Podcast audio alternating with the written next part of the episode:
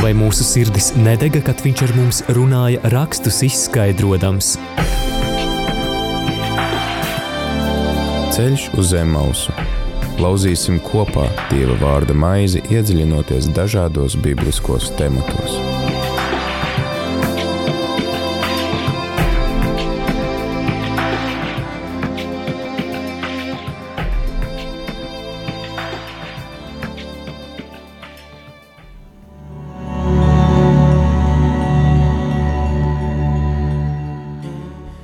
Radījumā arī Latvija klausītāji. Ir 4 un 1 minūte ar tevi ēterā priesteris Pēteris Skudra un laiks uh, raidījumam ceļš uz Zemausu, kā mums tas ir ierasts uh, ceturtdienās, uh, pārunājam kopā ar kādas, uh, kādiem mācītājiem, ar dažādu konfesiju pārstāvjiem svētos rakstus, cenšamies secīgi lasīt izceļošanas grāmatu, esam tikuši līdz 27. nodaļai. Pagājušo nedēļu varējām iepazīt telti, kuru Dievs atklāja mūzum, kā tā ir jāceļ.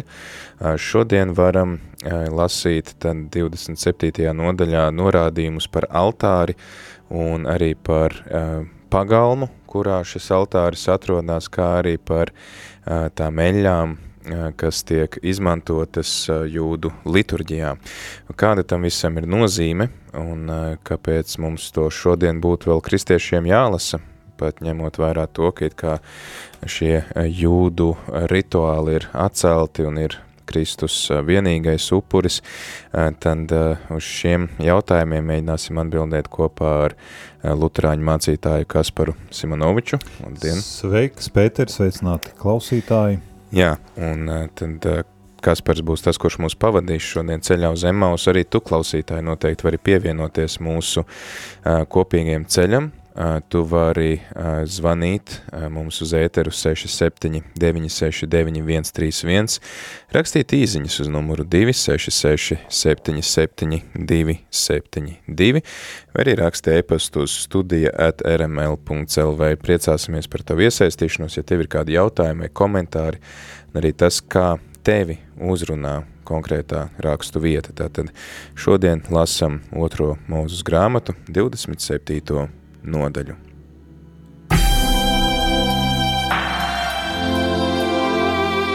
Vai mūsu sirdis nedega, kad viņš ar mums runāja rakstus izskaidrojams? Ceļš uz zem mausu. Lauzīsim kopā Dieva vārda maizi, iedziļinoties dažādos bibliskos tematos.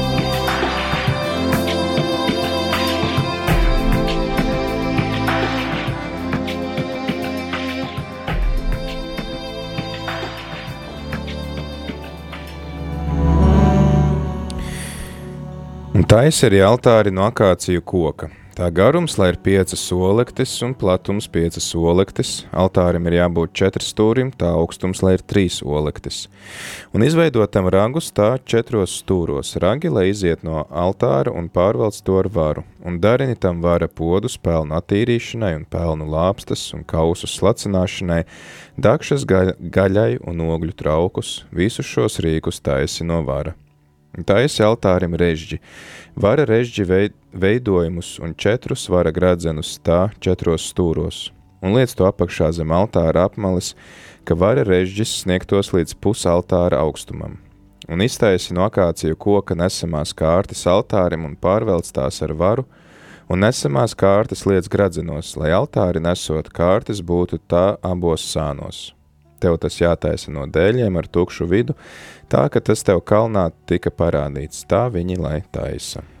Mājokļa pagalmu darini dienvidu pusē, pagalmam vieglbalta lina priekškaru, simts elkoņu garu vienā malā. Un tam 20 stabus un tiem 20 vara pamatus un stabu āķus un sudraba savienojumus. Un tāpat darini ziemeļu pusē visā tā garumā – 100 elkoņu garu priekškaru un 20 stabus ar 20 vara pamatiem un stabu āķus un sudrabu savienojumus. Pagalma platumā uz rietumu pusi 50 elkoņu garu priekškaru un tam 10 stabus ar 10 pamatiem. Pagalma platums pret austrumiem, pret saulēktu, lai ir 50 elkoņi un darini 15 elkoņu garu priekškaru vārtu sānmalai, un tam trīs stabus ar trīs pamatiem. Arī otrā vārtu sānmalā 15 elkoņu garu priekškaru un tam trīs stabus ar trīs pamatiem. Un pagalma vārtiem 20 elkoņu platu priekškaru no purpura zila, purpura, sarkana auduma un viegli balta izšūdināta lina, kā arī četrus stabus un četrus to pamatus. Visiem stabiem visapkārt pagalmam jābūt ar sudraba gradzeniem, to kāšiem jābūt no sudraba un kājām no vāra. Pagalma garums, lai ir 100 olekšu, un tā platums 50 olekšu, un augstums 5 olektis no šķetinātu smalku dziju auduma, to kājām jābūt no vāra. Un visiem mājokļa rīkiem, kurus izmanto pie tā kalpošanas, un visiem telts mietiņiem un pagalma mietiņiem ir jābūt no vara pavēli Izrēla bērniem, ka viņi tev atnes tīru no olīvu kokiem iegūtu eļļu lukturim, kas nepārtraukti degtu, ka nepārtraukti degtu eļļas lukturīši. Sajiešanas teltī šai pus priekškara, kas uzkārts liecības priekšā. Ārons un viņa dēli, lai tur to kārtībā no vakara līdz rītam kunga priekšā. Tas ir mūžīgs likums Izrēla bērniem uz auģu audzēm.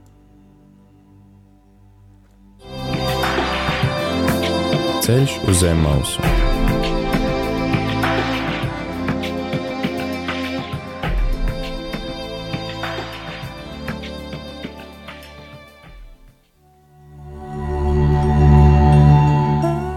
Jā, mēs turpinām iepazīt šos norādījumus, ko Mūzus saņem kalnā. Viņš ir 40 dienas un 40 naktis pavadījis sarunā ar Dievu, viņš saņem likumu, Mēs to visu lasījām pavasarī, desmit baušļus, dažādus sociāla, reliģiska, sadzīviska, sadzīviskas nozīmes likumus par to, kā organizēt to ikdienas sadzīvi. Tad tagad Dievs dod norādījumus par nu, šo kultu, sākumā par vietu, kur šis kults notiek. Mēs iepriekšējā raidījumā runājām par telti, kas bija nu, tāda iespaidīga iespaidīga celtne, patiesībā, ja tā padomā, kas ir būvēta no um, vairāk kā septiņus metrus augstiem šiem stabiem un kas tiek apklāti ar, ar sagām un, un cik daudz gan tur vajadzēja aiziet tad kazām un aitām, uh, lai to visu varētu paveikt un vēl trakāk to visu nest līdzi. Uh, šodien tad um, mēs lasām 27. nodaļā, ka Dievs pavēl mūzum taisīt altāri. Kas ir šis altārs, teiksim, ko jūdi saprata ar altāri? Jūs pieļaujam, mēs iedomājamies altāri, tas ir kaut kur baznīcā priekšpusē, pie tā stāv mācītājs, tur eh, mēs pieminam pēdējās vakariņas, eh, visticamāk, ka jūdiem altāra izpratne bija kaut kas citādāks. Nu, nē, es gandrīz vai teikt ļoti līdzīgi. Uh, ja mēs pavērojam šo telts vai vēlākā tempļa arhitektūru, tad patiesībā baznīcas jau ir būvētas pēc ļoti līdzīga principa. Uh, un tas, ko mēs šeit redzam kā pagalmu, tā patiesībā ir uh, baznīca, uh, tā baznīcas vieta, kur sapulcējas baznīcēni. Tie, tās ir tās solu rindas, kur parasti sēž cilvēki. Tas ekvivalents ir šeit pagalms. Uh, Savukārt um, altārs atrodas altāra telpā, un, un šajā gadījumā tieši tāpat tajā pagalma vienā malā pie pašas uh, tās visvētākās vietas, lai gan ne iekšā pašā, bet mazliet tā kā ārpusē ir novietots šis uh, sadedzināmo upuru altārs, un priesteri ir tie, kuri tur regulāri kalpo.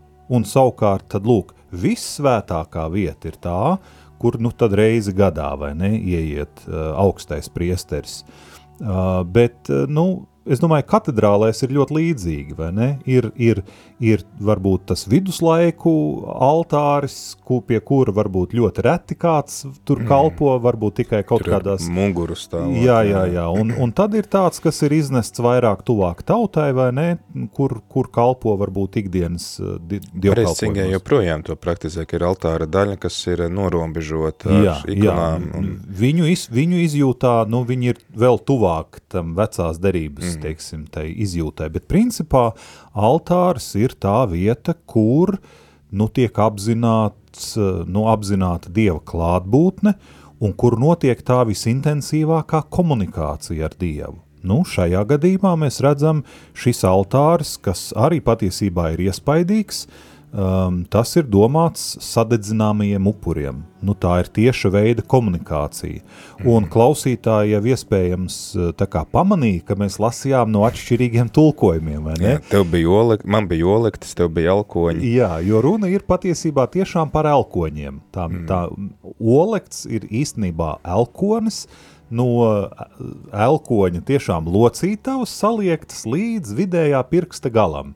Tas ir apmēram elkonis, nu, kāds nu kuram cilvēkam garš, eh, un tā ir tā olekts. Es vēl šodien nākot uz šejienu izmērīju speciāli, man ir 53 centimetri garš ja, elkonis. Ņemot vērā mūsu auguma atšķirības, tad, tad, ja būtu jāsūta, piemēram, pirkt paklāju, tad mēs sūtītu tevi.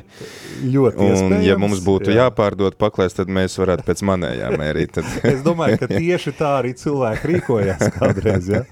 Nu, lūk, un tad šis um, akācija koka altārs sadedzināmiem upurim arī ir uh, diezgan iespaidīgs. Pieci elkoņi, pieci elkoņi garš, pieci elkoņi plats, uh, tas nozīmē uh, divi ar pusi līdz... un uh, augstums ir trīs elkoņi, tātad pusotru metru augsts, mm. nu tāds, tāds pamatīgs, pamatīgs tāds mm. galds, vai ne? Un uz tā tā tad tiek uh, upurēti dzīvnieki. Tad viņš ir tik liels, lai tiešām arī visu to dzīvnieku tur var uzlikt virsū. Nu, kā jau mēs te lasījām, vai ne, ka apakšā tur ir uh, režģis jānoliek un, un, un, un, un visādas tur bļodas un, un dakšas un liekšķeres un ogļu pannas un podi, kur savākt pelnus.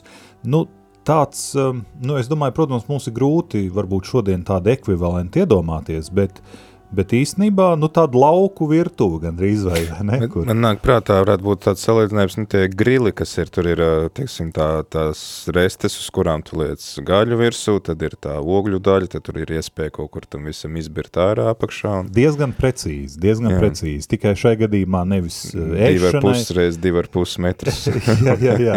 Un nevis ēšanai un, un baudīšanai, bet upurēšanai, lai gan, kā mēs zinām, tad tas, kas tur paliek pāri, droši vien tad priesteri drīkst arī tur man šķiet kaut ko no tā arī apēst. Jā, bija gaļas gabali, kas bija obligāti jāliek uz altāru. Un, bet tad uh, varbūt palīdz mums saprast tagad, kā, jo, jo mēs runājam par sajiešanas telti, un uh, es pieļauju, ka ja tāds cilvēks, kas nepazīst to jūdu kultūru un, un, un klejotāju tautu kultūru, nu, ok, bija vēl viena telts starp daudzām, ko mēs uzslējām, um, bet šeit ir uh, tātad arī pagalms, Tad, tad kā mēs gan tur mazliet gan pieskārāmies tam pagājušajā raidījumā, bet tā īsi varbūt mēs varētu ieskatīties, lai tie klausītāji, kas nedzirdēja pagājušo raidījumu, varētu apmēram saprast, kā tad izskatījās tā telts. Un...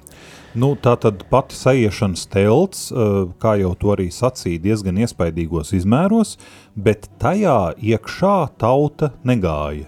Tajā gāja priesteri labākā gadījumā, Un, un, Tikai tik, cik lai uzsliet viņu. Jā, jā, jā. Un, un tajā vissvētākajā vietā, protams, nu tikai vispār reizi gadā. Mm. Un attiecīgi pagalms, kā jau mēs to dzirdējām, nu pat šajā lasījumā, ko varbūt ir sākotnēji pagrūti uz, uztvert, tas ir visapkārt šai teltī. Nu tā, ka ļaudis var pulcēties uh, ap šo saiešanas telti no visām četrām pusēm. Tad uh, Tātad tā ir tāda norobežota teritorija, tel, eh, tās nu, nometnes vidū, kurai kaut kur pa vidu ir tā telts, kurā neviens neiet iekšā, kurā mīt dievs, tur ir tas eh, vāks, eh, ne, bet tas šķirsts ar, ar mannu un ar plāksnēm un arī ar to Ārona zizli, kas uh, uzziedīga pa laikam, tad kur atrodas tas altārs, jo, piemēram, nu, mēs tā šodienas, varbūt dievnamu kontekstā mēs saprotam, ka altārs kaut kas tāds, kas ir dievnama centrā, te sanāk, ka viņš ir ārpus tās telts. Viņš ir ārpus vissvētākās vietas, mm -hmm. jā, jo vissvētākajā vietā, kā jau tu sacīji, tur ir šķirsts, tur nav altāra. Mm -hmm. Altārs ir ārpusē uzreiz. Tajā norobežotajā teritorijā. Jā, viņš ir pagalmā. Mm. Viņš atrodas pagalmā, un interesanti, ko arī var šeit eh, lasīt, ka pagalms savukārt arī tiek norobežots ar audekliem. To nevar redzēt uzreiz tā no malas. Tas tiek norobežots ar audekliem. Vēlāk, protams, eh, nu, kad veido pašu templi, tad jau pagalms tiek norobežots ar mūri, uh, bet principā tā ir norobežota teritorija. Tie ir teikts, augstums ir pieci elkoņi. Nu jā, tad jā. rēķina divi pus metri. Jā. Jā. Tas tā, ka cilvēks nevar tā pieiet klāt un palūrēt pāri, kas tur mm. notiek. Nu, līdzīgi kā atkal, līdzīgi kā baznīcā. Nu, ja tu gribi ieiet baznīcā, tev tur ir jāieiet. Tu nevari tā ziņkārīgi garām ejot, palūrēt, kas tur notiek.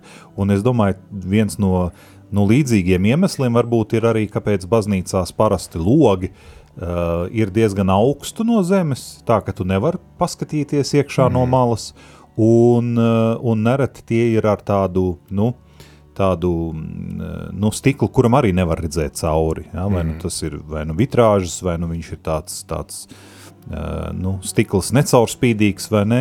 Respektīvi, jā, tev ir jāieiet, tev ir jāgrib ieiet, tev ir jāgrib to piedzīvot, tev ir jāpiedalās tajā. Tu mm. nevari tā kā no malas paskatīties, ko tad viņi tur dara, nu tev ir jāpiedalās. Es domāju, ka šeit ir tas, tas ir princips. tāds aicinājums uz attiecībām ar Dievu, ka tu nevari, man liekas, Klaivs Steplis Lūis saka, tu nevari būt tā pa pusē kristietis, vai nu tu esi vai ne, vai tu pieņem to, ko kristietība māca, vai, vai arī nē.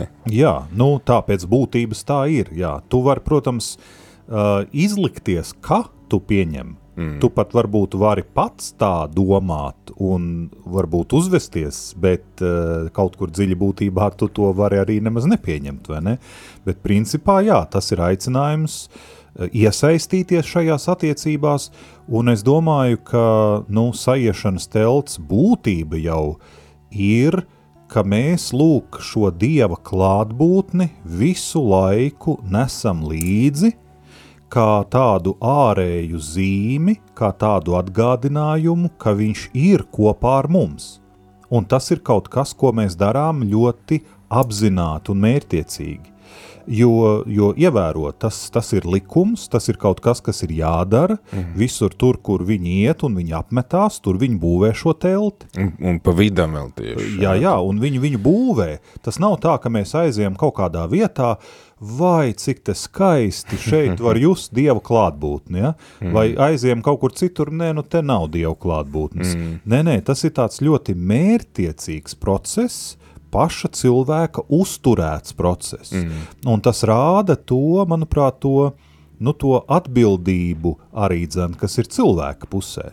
Ka Dievs ne tikai ir, nu mēs zinām, 139. psalms, lai kur es ietu, Dievs visur ir. Es varu ellē nokāpt, viņš ir arī tur, vai ne, šeolā. Bet um, neraugoties uz to, ka Dieva klātbūtne ir visur, mēs cilvēki esam līdzatbildīgi, lai apzinātos šo klātbūtni. Un tāpēc šī telts visu laiku tiek nesta un celta atkal no jauna, un atkal ārdīta nost un celta no jauna. Kas savukārt man liek domāt, nu, varbūt nu, tādu mazliet tādu filozofiskāku domu, vai ne? Ka iedomājies, kas notiktu, ja vienu dienu šajā dieva radītajā pasaulē vairs nebūtu cilvēks? Kas notiktu ar, ar, ar dabas pasauli? Nu, Nekas patiesībā. Koki turpinātu augt, putni lidot, dzīvnieki skraidīt apkārt, varbūt pat dabas pasauli mazliet uzvilkt, atvilkt elpu, vai ne? Zināmā mērā, jā. Zināmā mērā. Bet cilvēks, lūk, ir radījis vēl savu pasauli, kultūras pasauli. Un ja mēs vienu dienu pazustu, sabruktu, par arī kultūras pasauli. Visi artefakti, visi mākslas darbi, visi tempļi, mājokļi, baznīcas, viss lēnām sabrukt un izšķīstu. Tas nozīmē, ka, ja mēs gribam uzturēt dzīvu to, nu, to garīgo izjūtu, tā mums ir nepārtraukti jābūvē no jauna. Un te, manuprāt, ļoti simboliski, ka uh, šī telts tiek būvēta katru reizi. Ja? Katru reizi tu viņu noārdi, tu dodies tālāk, tu esi pagājis kādu brīdi, tu apstājies, tu viņu atkal būvē no jauna. It kā tā telts ir tā pati, viņai jābūt tādai pašai, instrukcijas ir ļoti skaidrs, vai ne? Bet tu esi nonācis citā vietā, Mm. Tu esi mazliet mainījies, tu esi mazliet kaut ko vairāk piedzīvojis, bet tu atkal uzcel to telti kā tādu atgādinājumu par Dieva klātbūtni. Un tas ir visu laiku, kamēr cilvēks vien eksistē. Tas, man liekas, ir tāds, ko daudzi garīgie skolotāji runā par šo Dieva klātbūtnes apzināšanos, ka, nu, reizēm arī cilvēks saka, jā, man tur ir vieglāk lūgties, tur tieši tajā dievnamā, tur ir tāds noskaņojums, bet patiesībā jau arī šī telts klātbūtne parāda, tad, kad tauta iet ceļā, tad telts iet līdzi, tad, kad, telts ir, tad, kad tauta ir apmetusies un iespējams arī kaut ko varbūt iesēja un, un, un, un nopļauj un tā, lai parūpētos par iztiku, tad arī tomēr viņiem ir, kas ir interesanti, ka vēlāk mēs lasīsim, ja nemaldos skaitļu grāmatā, par to, ka tautas izvietojās apkārt šeit teltī. Nav tā, ka mēs, ok, tur būs tā telts, jā, un tad mēs te, nu, atradīsim viens. Nē, nē, tur viss telts, šī sajiešanas telts, šī noslēgtā teritorija ir tieši pa vidu, un tad pārējās ciltis pa grupām sastājās apkārt. Jā, citiem vārdiem sakot, tā telts ir mūsu fokus. Mm. Mēs nedrīkstam pazaudēt fokusu. Mums ir jāatcerās, kas ir mūsu dzīves fokus Mēs varam iet pa ceļu, mēs varam sēt, pļaut, medīt, eh, karot, vienalga, ko darīt, bet ik pa brīdim mums ir jāatcerās, kas ir mūsu dzīves fokus. No kā mēs vispār dzīvojam, kāpēc mēs vispār eksistējam, kas ir mūsu eksistences jēga. Un šajā gadījumā tā telts to iemieso. Un teltī tad tas altāris atrodas kaut kur pa vidu. Nu, tā ar telti mēs saprotam šo norobežoto teritoriju. Pa vidu ir altāris, kas palīdz cilvēkam veidot to komunikāciju ar Dievu, pareizi saprotu. Jā, tieši tā. Un, protams, ka nu, te, tā, droši vien tas būtu atkal vesela raidījuma vērts, mm. vai ne? Kādā, kā mēs saprotam, ko nozīmē komunicēt ar Dievu? Mm. Nu, šajā gadījumā ļoti tas uzstādījums ir ļoti konkrēts.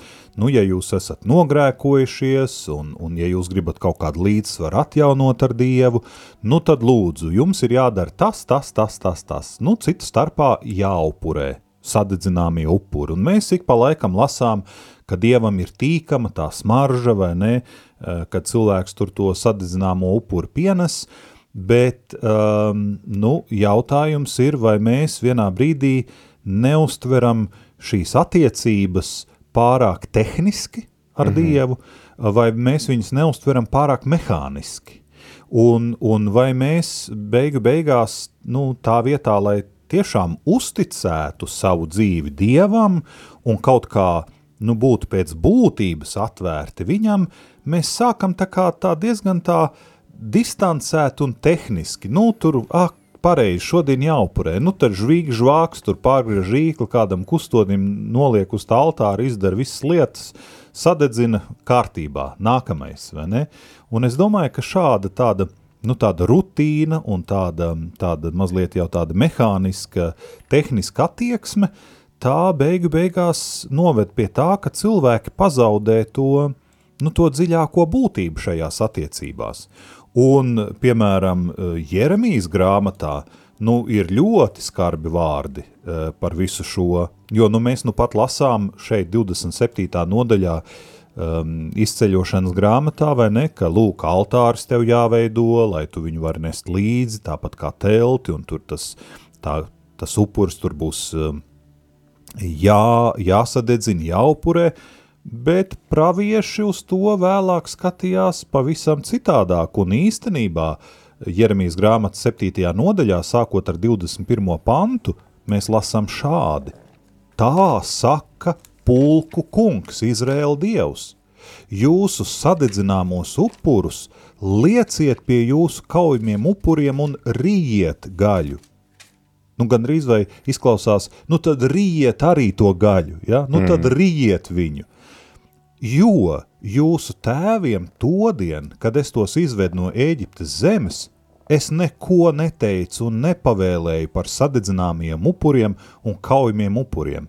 Es pavēlēju šos vārdus: klausieties manā balsī, un es būšu jums par dievu, un jūs būsiet mana tauta, un jūs staigāsiet pa tiem ceļiem, kurus es jums pavēlu, un jums būs labi. bet viņi neklausīja.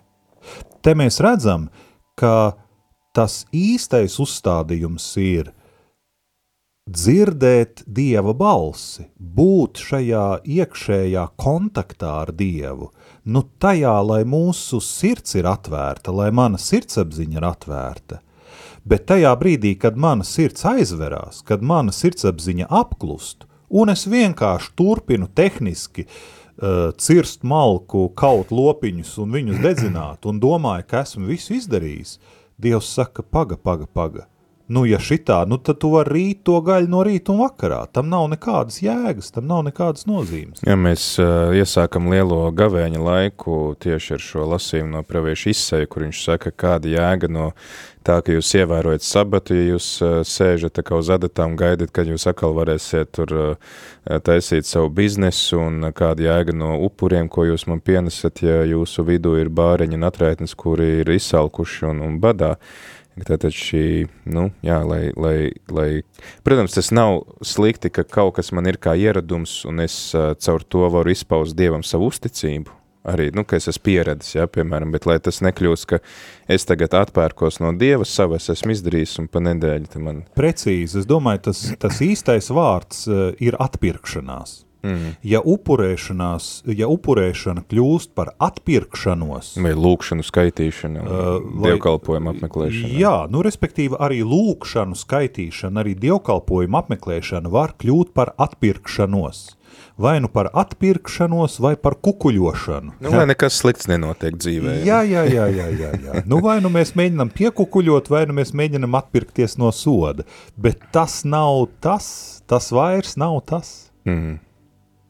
Jā, klausītāji atgādina, ka šodien eh, ceļā uz Emausu dodamies kopā ar Lutrāņu mācītāju Kasparu Simonoviču, un arī tu vari iesaistīties. Eh, šodien lasam otro mūsu grāmatu, izceļošanas grāmatu 27. nodaļu par altāri, kas bija jāceļ eh, telts vidū, kurā, uz kura jūdi tad pienes savus upurus, tad iespaidīgs veidojums, divi ar pus reiz divi ar pus metrus, tāds liels galds un pusotra metra augstumā, tad uh, varam paskatīties mājās, izmērīt, cik mums liels kāds galds ir un uh, saprast to, par kādiem izmēriem mēs runājam. Tad, ja gadījumā tev ir kādi jautājumi, komentāri, varbūt tu vari padalīties ar to, kas tevi uzrunā, lasot šo rakstu vietu, droši iesaisties sarunā, zvani uz numuru 67 969 131, vai arī raksti īziņas uz numuru 266 77 272. Slava un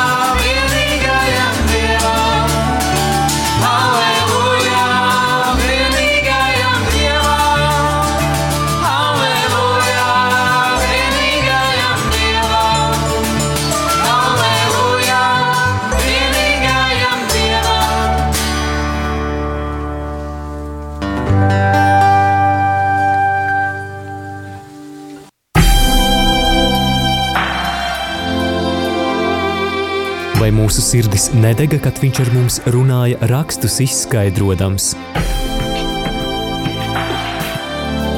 Ceļš uz zem mausu. Lauzīsim kopā Dieva vārda maizi, iedziļinoties dažādos bibliskos tematos.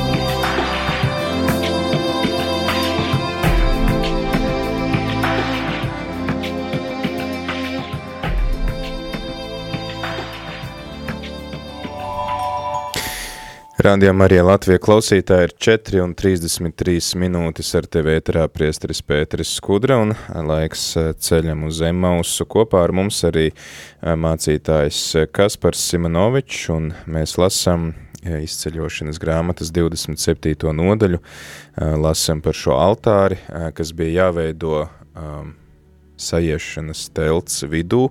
Te arī aizkadrā man mācītājs atgādināja par to, ka tātad ar telti jūdi saprata visu šo norobežoto teritoriju, kurā arī iekšā bija telts, kas ir kā telts, ko mēs saprotam kā telti. Nē, es, es domāju tieši otrādi. Tieši otrādi. Es domāju tieši otrādi. Ir sajiešanas telts, uh, lai gan varbūt tev taisnība. Uh, jā, tas ir, pēkšņi apmulsu. Lai gan, nu, man liekas, ka svarīgi ir, tomēr svarīgi ir, eh, nu, tādai savai iekšējai skaidrībai vienmēr atcerēties, ka sajiešanas telts kā tāda, ar to tiek domāts, nu, vismaz lasot tekstā var saprast, ar to tiek domāta pati telts, kas ir tā vissvētākā vieta. Mm -hmm. Telts tātad, kura ir nojumi, kura ir jumts. Mm. Pati telts, tā jeb tas, ko sauc par mājokli šeit mm. tekstā, tā ir vissvētākā vieta. Un tad ir pagalms, kas mm. nav zem jumta. Tas, Jā. tas ir vienkārši norobežots ar, ar, ar audeklu vai ne apkārt, bet tas nav zem jumta. Kopā, jā, mēs varētu teikt, nu šodienas valodā tā būtu baznīca vai dieva nams kā tāds, vai ne? Mm. Bet pati tā telts specifiski tā tomēr ir tā ar nojumi, veidotā telts. Jā, tā tad ir pagalms, pagalmā pa vidu ir telts, un kaut kur turpat tā teltī blakām ir arī altāris, Jā, pie kura tad cilvēki var iet, upurēt, un altāris ir uh, pietiekami liels, lai uz tā var likt virsū šos upurus, tos dedzināt, tāpēc ir arī nepieciešami visādi podi un dakšas un lāpstas un trauki, ogļu savākšanai un tā tālāk ir režģis, uz kura tiek likta arī šī gaļa droši vien virsū, lai tā varētu arī reāli sadegt. Jautājums otrajā pantā mēs lasām, ka izveidotam ragus četros stūros ar ragi, lai iziet no altāra un pārvelc to ar varu. Kas tie par ragiem ir? Kāpēc, kāpēc ir vajadzīgi altārim ragi? Tie tiešām izstāsta kā ragi, kā mēs iedomājamies govi ar ragiem? Vai? Jā, es domāju, ka diezgan tuvu tam, jo raks ir spēka simbols vecajā mm. derībā.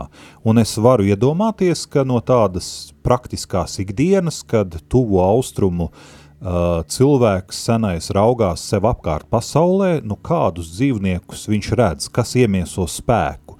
Nu, tuvajos austrumos tur nav ziloņu, tie ir Āfrikā, vai ne? Viņš neredz tādu masīvu dzīvnieku, tur nav šķiet uh, Nu, degunraģi. Degunraģi mm. tie var būt kaut kur, nu arī faktiski nē, Ēģi, Ēģiptē varbūt viņš viņus kaut kur redzējis ir, bet tuvajos austrumos nē, nu vērsis, jā, kaut kāda lauva, lauveidīgie kaut kādi var būt, jā, kas arī ir minēti bībelē, bet principā tādi, nu tāds vērsis ir masīvākais, stiprākais dzīvnieks, ko, ko cilvēks redz, un, un tad lūk šis raks, šie ragi, ir spēka, varenības simbols.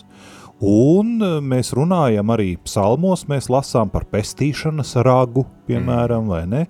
Līdz ar to tie atribūti, tie simboli, tie tiek uh, nu, attiecināti uz Dieva klātbūtni, uz Dieva spēku. Nu, šajā gadījumā arī altārs, uh, uz kura tiek upurēts Dievam, tur šie ragi tiek salikti stūros kā tāds atgādinājums, kam tad mēs upurējam. Un mēs redzam interesantu piezīmi par vara klātbūtni, ka tas viss ir jāapdarina ar varu. Un mēs varam iedomāties, ka, ka šis altārs jau nav masīva koka altārs, tas jau nav izgrebts vienā gabalā. Tas ir faktiski visticamāk dēļu altārs. Ja tur ir teikts, ka pa vidam ir tukšs vidus. Jā, jā, jā, tieši tā. Tātad tas ir dēļu altārs, un tā kā tas ir dedzināmajam upurim, tad tas tīri tehniski ir jāapstrādā ar kaut kādu materiālu, mm. uh, lai vienkārši nenosvilst cita starpā, ja nu uzkrīt roglas kaut kādas mm. vai ne, un tā. Līdz ar to tiek apšūts ar varu. Un, un varš jau, protams, nav vienīgais materiāls, īpaši smalkos gadījumos tas, protams, ir zelts, jo zelts visos laikos ir bijis viens no vērtīgākajiem materiāliem, jo retākais no materiāliem, vai ne? Bet uh, varš šajā gadījumā uh, un bronza uh, tā iemesla dēļ, ka runa ir par bronzas laikmetu. Mm. Bībeles lapusēs, vecajā derībā, mēs atrodamies bronzas laikmetā. Mm. Mēs neesam vēl dzelzs laikmetā. Mēs esam bronzas laikmetā, kad cilvēks ir iemācījies veidot uh, vāra un bronzas sakausējumus. Tas ir, tā ir augstākā tehnoloģiskā pilotāža tajā brīdī. Eh, nosacīti, nu, nesen ne, bet nu, nosacīti cilvēks ir izkāpis ārā no, no neolīta laikmeta, no akmens mm. laikmeta, ja, kur ir akmens darba rīki un, un visas lietas, un ieejot bronzas laikmetā, un, un, un faktiski mēs atrodamies kaut kur bronzas laikmeta jau pašā virsotnē, nu, tur ir uh, milzīgs tāds tehnoloģiskais izrāviens, pateicoties tam, ka cilvēks ir iemācījies apstrādāt metālus, sakausēt metālus, un attiecīgi viņš spēja izgudrot precīzākus un efektīvākus ieročus. Viņš var izgatavot efektīvākus uh, instrumentus lauksaimniecībai tā skaitā. Mēs piedzīvojam tādā cilvēks uh, kontekstā tādu lielu izrāvienu, palielinās uh, cilvēku skaits pasaulē, parādās pilsētas. Un patiesībā Bībeles lapusēs mēs esam tam liecinieki. Un, un varš pats pa sevi viens pats ir diezgan mīksts metāls, viņu var viegli locīt, viņš viegli padodas, teiksim, apstrādēji, tādēļ ar viņu viegli var apdarināt dažādus priekšmetus, bet, piemēram, tad, kad varam, lūk, uh, varas sakausējumam pievieno alvu, tad rodas bronza. Mm. Un tas savukārt ir jau daudz cietāks materiāls. Nu, arī vēl nav dzels, protams, nav tik ciets, bet nu, tomēr daudz cietāks un daudz precīzāk viņu var izgatavot. Un, attiecīgi, jā, uh, nu, tas ir vērtīgs materiāls. Nu, mēs zinām, ka varš un bronza ir tāds, tāds brūngani dzeltenīgs, uh, un var būt arī tādā, nu, tādā estētiskā nozīmē mazliet tā kā tāds zelta aizvietotājs arī. Mm. Nu, ja tu neesi tik bagāts, ka tu vari atļauties zeltu, jo zelts arī faktiski ir mīksts metāls, vai ne? Un, un ja mēs skatāmies kādreiz kaut kādas vecās filmas, uh, tad, kad Uh, nu, un tas ir, protams, saistīts ar reālo dzīvi. Tad, kad tu iedod kādam cilvēkam zelta monētu, viņš ko ar viņu dara? Iekožās. Jā. Iekožās, un ja viņš var viņā iekosties, tā, tad tas ir zelts, jo zelts ir oriģināli pietiekami mīksts. Mm. Uh, ja tas nav tīrs zelts, tu viņā nevar iekosties, tā tad tur ir piemaisījumi. Tātad tu esi bijis piekrāpts, ja tev kāds saka, ka te ir zelts, tīrs un tā, un tu iekodies, ā, nekā. Ja? Mm. Līdz ar to zelts ir arī mīksts metāls, bet, ja tu neesi tik bagāts, tad tu vari daudz ko izgatavot no bronzas vai vara, un tas vienalga ir spošs, tas vienalga ir, ir, ir skaisti un labi izskatās. Jā, tad šis altāris, kas tiek apdarināts ar šo dārgmetālu, gan praktisku iemeslu dēļ, gan arī estētisku iemeslu dēļ, kur cilvēki var pienest upurus dievam, mēs tad arī tālāk varējām lasīt par to teritoriju, kas tiek nodalīta, kas arī ir īstenībā ir, tas pagalms ir bijis patiesībā diezgan plaša teritorija. Mēs varam apmēram nojaust, cik, cik tie ir uh, Nu, skaties, tie ir 50 elkoņi, mm. 25 metri. 25 metri, iedomājieties, tā tad uh, ir, ir telts, uh, kurai apkārt ir 25 metru. Ja tas ir viens, viens tas aizskars. Jā, jā, nu, tas ir uz vienu pusi. Viens plat, vienā, tas ir viens platums, 25 metri. Rēķina 25 metri, 25 metri, 25 metri, 25 metri. Tas ir daudz. Tas ir liels tāds. Ne, ne, man te Nu. Tā. Kopējais garums ir lielāks. Re, kur pagalma garums, Ā, lai ir 100 100 elko- elkoņu, gar- un jā. tā platums ir 50, Jā, 18. pantā. Jā, Jā, un, Un 9. augstums piecus. un 9. pantā arī dzen mājokļa pagalmu, tātad darina dienvidu pusē, pagalmam priekškaru simts elkoņu garu Jā. vienā malā. Ja? Nu, Mm. Tā tad 50 metri īstenībā. Jā, Nu, iespaidīgs laukums, ja? ir, ir kur pulcēties. jā, jā. Un tur ir arī jādeg uh, tīrai, tad, tad te ir teikts 19. pantā, uh, piedodiet, 20. pantā, un pavēli Izraēla bērniem, ka viņi tev atnes tīru no olīvu kokiem iegūtu eļu lukturim, ka nepārtraukti degtu eļas lukturīši, sajiešanas teltī šaipus priekškara, kas uzkārts liecības priekšā. Tad, tad šaipus tas būtu kā ārpusē, tie, Jā, jā, tas ir ārpusē, tā lai visi var redzēt. un, un tad ir tā uguns, kas deg visu laiku, un ja pūš vējš vai, vai kaut kas tāds, tad kas Nu, notiek? ir jāsargā. Ir, jās, ir jādara viss, lai tā uguns tur degtu. Tas ir tā, kā mēs redzam, vis, nu, šur tur pasaulē mūžīgās uguns uh, princips. Ja, kaut kādās uh, kapsētās vai, vai, vai nezinu, kaut kur kādās īpašās vietās. Atkal, kas ir šī uguns liesma? Uh, uguns liesma ir atkal dieva klātbūtnes simbols. Atcerēsimies, ka dievs kādā veidā viņš iet līdzi izredzētai tautai. Naktīs tas ir uguns stāps. Jā, naktīs tas ir uguns staps un šī uguns liesma, un tāpēc arī viss caur uh, Bībelē, un tā skaitā jaunajā derībā, vasaras svētku stāstā, vai ne, uh, uguns liesma ir Dieva klātbūtnes simbols. Līdzīgi kā telts, kas tiek nojaukt un atkal uzcelt no jauna, uh, atgādina par Dievu klātbūtni, tā pašā teltī savukārt iekšā, kad tu jau nu ieeji tajā pagalmā, kad jau tu esi tajā dievkalpojumā, nu tu redzi, tu skaties uz šo uguni, kurai arī dzen visu laiku tur ir jādeg. Nu, un attiecīgi, nu, ja telti, piemēram, un te ir vēl viena pakāpe tālāk, tātad mums visu laiku būs jāceļ telts. Ikreiz, kad mēs apstāsimies, mēs būvēsim telti.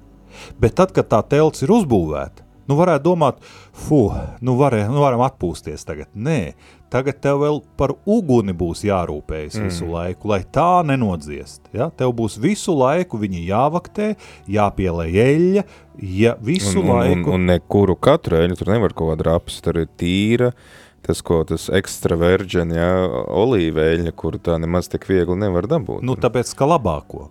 Tāpēc, ka labāko. Ja, tu nevari kaut ko nebūt, tāpēc, ka labāko, un es pieņemu arī tāpēc, ka, uh, nu, visticamāk, tīrā veidā, bez piemaisījumiem, tas ir garantēti, ka tev arī viņa degs visu laiku. Mm. Ja tur būs pilns ar visādiem piemaisījumiem, tad vienā brīdī tur kas sazin, kas var notikt. Bet ar to es gribu teikt, ka tev ir jārūpējas par to, lai tā uguns tur degtu. Tu visu laiku esi spiests pievērst uzmanību tam. Ja? Tas, kurš par to rūpējas, tur bija droši vien kādi levīti vai ne kādi kalpotāji, eh, kuriem tas bija viņu pienākums, un arī tauta, kad tā ienāk lūk teltī, tā vienmēr zina, ka tur ir šī klātbūtne. Nu, es Mhm. domāju, katoļu baznīcā tas Ja būtu ir, līdzīgi jā. Ar, ar, ar, ar sakramentu vai ne altārī. Sarkanā gaismiņa vienmēr liecina, bet tas man liek domāt par to, ko mēs runājām pirms dziesmas. Tu, mēs runājam par to, ka šī formālā reliģijas prakse, teiksim, arī tas Jeremija un Isaijas pārmet, un visi pravieši īsumā to pārmet, to, ka ar, ar lūpām jūs mani pielūdzat, bet sirdis jums ir visur citur. Mēs tātad runājam par to, ka šis, eh, nu, kaut kāda pārlieku tāda, uh, pievēršanās tikai kaut kādām ārējām reliģiskām praksēm ar domu, nu, ka ja es tagad noskaitīšu pareizās lūkšanas vai aiziešu svētdienās dievkalpojumu, tad man veiksies visos pārējos darbos un īstenībā tā mana sastapšanās ar Dievu nenotiek, tad īstenībā tas, ko tu sacīji nu pat par šo mūžīgu uguntiņu, atkal liek mums neiekrist otrā, nu, ka galvenais jau, ka nu, Dievs jau man ir sirdī. Ja, un tad, zin, kā apmēram, nu, tad kāda starpība, kur es tur to dievkalpojumu taisu, ka tomēr mums ir jādomā, tad, lai, lai Dievam tad tiek tas labākais laiks, lai Dievam tiek uh, labākais materiāls, kas, kas man ir pieejams, talanti, nevis tur, nu, Dievs, te es te kaut ko atliku priekš tevis. Nē, nu redzi, uh, lai lai, ma, lai, mani, lai manā galvā, lai manā apziņā ienāktu doma, ka Dievs ir manā sirdī, Mm. nu man tai domai ir jāpievēršas. Mm. Viņa pati pa sevi ļoti reti ienāk. Nu, protams, ir kaut kādi tādi mirkļi cilvēka dzīvē, kad notiek kaut kas un, un, un pēkšņi tu atceries par Dievu. Skaidrs, bet tev ir sev jāatgādina, ka Dievs ir manā sirdī, mm. ka Dievs ir klātesošs šajā pasaulē, ka Viņš ir klātesošs manā dzīvē. Arī dzan, tev tas sev ir jāatgādina. Kā tu to vari atgādināt? Lūk, vecās derības ļaudis to atgādina, būvējot telti, dedzinot mūžīgo uguntiņu, nu tas ir veids, kā viņi sev to atgādina. Izmantojot labāko materiālu, labākās sādas, labāko eļļu, tie dzīvnieki arī nevar, kurš katrs tur tā vecā govs, kas vairs nedod pienu, ir, ir jābūt gadus vecam teļam, īstenībā, kurā ir viss potenciāls, un tu atdod tieši to, un, un, un tādu, kurš ir bez vainas, jā. Uh, un tas lūk liecina, ka es to uztveru nopietni. Mm. Es to uztveru nopietni. Tas ir ļoti vienkāršs rādītājs. Jo, jo man ir, e- es labprāt to, to jauno govi tur vai, vai to, to labāko, es viņu labprāt apēstu vai izmantotu Nu, savām sēklai, nu, sēklai jā. vai savām vajadzībām vai kā citādi. Es viņu izmantotu nu, personīgam labumam, bet nē, es redzu, ka ir kaut kas vēl, vēl svarīgāks manā dzīvē, un tāpēc tam es veltīju to labāko, kas man ir. Jo, ja, Mm. ja man nebūs tā centra manā dzīvē, tad man nebūs arī visa pārējā. Jā, jo es labāko dodu tam, kas man ir vissvarīgākais, tad, uh, kur aiziet mani līdzekļi, tas arī parāda to, kas man ir svarīgs. Precīzi. Un es esmu arī pats savā kalpošanā redzējis baznīcas un vietas, kur uz altāra tiek uzklātas vecas, uh, sapelējušas, salāpītas altāra segas. Mm. Nu vienkārši nu tā, lai tikai kaut kas būtu. Jā, galvenais jau, Bet, ka bet pašiem cilvēkiem mājās, piemēram, ir labākais, kas vien ir Mm. pieejams. Ja? Bet baznīcā uz altāra nu, tur kaut ko nebūtu uzliekam nu, tā formāli. Un tas liecina, jā, tas liecina par tām prioritātēm. Nu, un, un, nu, pat bez, bez nosodījuma šai gadījumā, bez vērtējuma. Tas vienkārši liecina par prioritātēm, un tas rezultāts jau ar laiku kļūst redzams. Mm. Tas vienkārši akumulējas ar laiku, tas vienkārši akumulējas. Un, un mēs, skaties, esam pazaudējuši to centru savā dzīvē. Jā, protams, mēs nepārmetīsim kādiem tur trimdas uh, kristiešiem, kas uh, ir uh, nostāsti par, uh, par lāģeriem, kur nu, tiešām nekā cita kā, kā tā konservu buņģa nav. Nu, tu, tu, protams, svinēsi dievkalpojumu tie konservu buņģām, bet ja tev ir iespēja dot dievam to, kas tev ir tas labāk, protams, ka tas, nu, tas prasīs uh, zināmu nu, savilkt jostu, vai nu, tas tā, mīl, teiksim, tā ir, uh, man liekas, svētā Terēze ir sacījusi, tā, kas ir tā avil, piedodiet, tā Kalkutas Terēze, ka mīlestība vienmēr sāp, un arī mīlestība uz Dievu, nu, viņa kaut ko prasīs, jo dot Dievam, nozīmē kaut ko paņemt no sevis. Jā, un man ir aizdomas, ka pat, ja, kā tu minēji, tur lēģeros vai kā citādi, vai izsūtījumos, vai kaut kur cilvēki ir svinējuši ar to pašu konzervu buņģu, vai tam līdzīgi, man ir aizdomas, ka tā būs vienalga bijusi labākā konzervu buņģa, kas viņiem ir bijusi. Iespējams, viņam brīdī. pašam bija jāsmeļ pēc tam ar roku, jo Jā, viņam nebija buņģis, no kuras padzerties. Um, jā, pēdējais pāns vēl saka, tas ir mūžīgs likums Izraēla bērniem uz auģu audzēm. Uz ko tas attiecās? Tas attiecās uz šo gaismiņu, uh, kas ir nemitīgi jāuztur, tas attiecās uz visu šo teritoriju nošķirto, tas attiecās uz to telti, kas pa vidam, kas... Es domāju, ka gan, gan mēs varētu mierīgi to attiecināt gan uz to gaismiņu, gan uz visu iepriekš teikto. Gan, gan. Bet Eh, sanāk, ka neiztur, nu, neiztur tā kā kritiku, jo pēc tam viņi uzceļ templi un tā telts pazūd no, no nu, Jā, bet nu, Vai kā, Dievs iedod mūžīgu likumu par šo viņa klātbūtnes vietu, par kuru ir jārūpējās? nu, nē, nu saproti, um, tajā brīdī, kad tu esi tur, kur tu esi, tu saproti, šis ir mūžīgs likums. Mm -hmm. Ja es šeit būšu tur, kur es esmu, tādā stāvoklī, tas būs mūžīgs likums. mm. kamēr es vien būšu tajā stāvoklī, kamēr vien es būšu ceļojoša tauta, tas būs mūžīgs likums. Bet vienā brīdī es pārstāju būt par ceļojošu tautu un nāk kaut kāds jauns likums, mm -hmm. kur, piemēram, tiek uzcelts patstāvīgs templis, vai ne, kur, kur Dievs ļauj pat ne Dāvidam, bet Dāvida dēlam, tā sakot, vai ne, Salamanam uzcelt templi. Uh, un tas rāda to virzību, tas rāda, ka tur ir dzīvība, ka tur ir attīstība. Tas, jo saproti, tas nav tā, ka nu, iemācījušies no akmens izkalt kaut kādus darbarīkus akmens laikmetā, ka mums tagad ir jāpaliek akmens laikmetā. Mm ka nu, viss, jo tas bija mūžīgs likums, ka mēs tur uztaisījām akmens cirvīti, tad tagad ar akmens cirvīti skaldīsim visu mūžību. Ja? Nu, nē, nu, kad nomainās tā realitāte tev apkārt, nu, Dievs dod jaunu mm. likumu. Un e, galējais moments, kur tas ļoti skaidri parādās, ir Kristus personā. Ļoti skaidri. E, vēstulē ebrejiem mēs varam lasīt 9. nodaļā, 11. pantā. Kristus ieradās kā nākamo labumu augstais priesteris caur lielāku un pilnīgāku telti, tādu, kas nav rokām darināta, tas ir, kas nenāk no šīs radības. Mm. Ja? Tātad viņš, Kristus, nāk ar tādu pieredzi, kas pārraksta to iepriekšējo. Mm.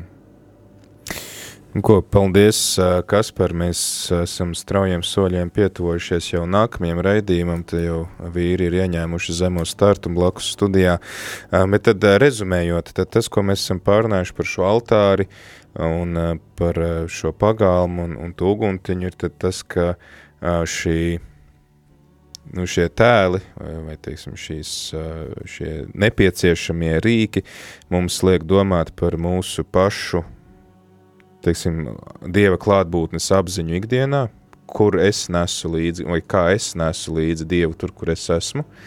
Un tad arī šī mana, nu jā, pie cik daudz es piedalos uh, lai atpirktos no Dieva un cik daudz es, teiksim, piedalos kaut kādās reliģiskās praksēs, lai tiešām sastaptos ar viņu, cik man ir svarīga šī sastapšanās ar viņu un cik svarīgi man varbūt ir tā tirgošanās ar viņu un kaut kādu rēķinu kārtošana, un tad arī, jā, cik daudz es enerģijas vai cik daudz es no sevis esmu gatavs ielikt pūles, lai šīs attiecības ar viņu uzturētu savā ikdienā. Jā, Dievs ir vienmēr klātesošs, neatkarīgi no tā, ko es par viņu domāju. Bet es esmu atbildīgs par savu garīgo dzīvi, par tās veidošanu un savām attiecībām ar Dievu. Mm. Tas tā kā līdzībā par pazudušo dēlu tēvs ir gatavs nākt man pretī un piedot, bet man ir jāgrib atgriezties mājās. Ja? Jā. Nu ko, klausītāji, ceru, ka, ceru, ka jums noderēja šī saruna. Um, no iesaistas gan to tā nevar pateikt, bet paldies, Kaspar, par to, ka tev bija laiks un ļoti ceram tevi atkal kādreiz šeit ētrā dzirdēt. Nu, gan jau, es Jā. ceru. Tālūk, tad jau pavisam, pavisam drīz turpinam ar uh, raidījumu laiks īstiem vīriem. Ceļš uz zem mausu.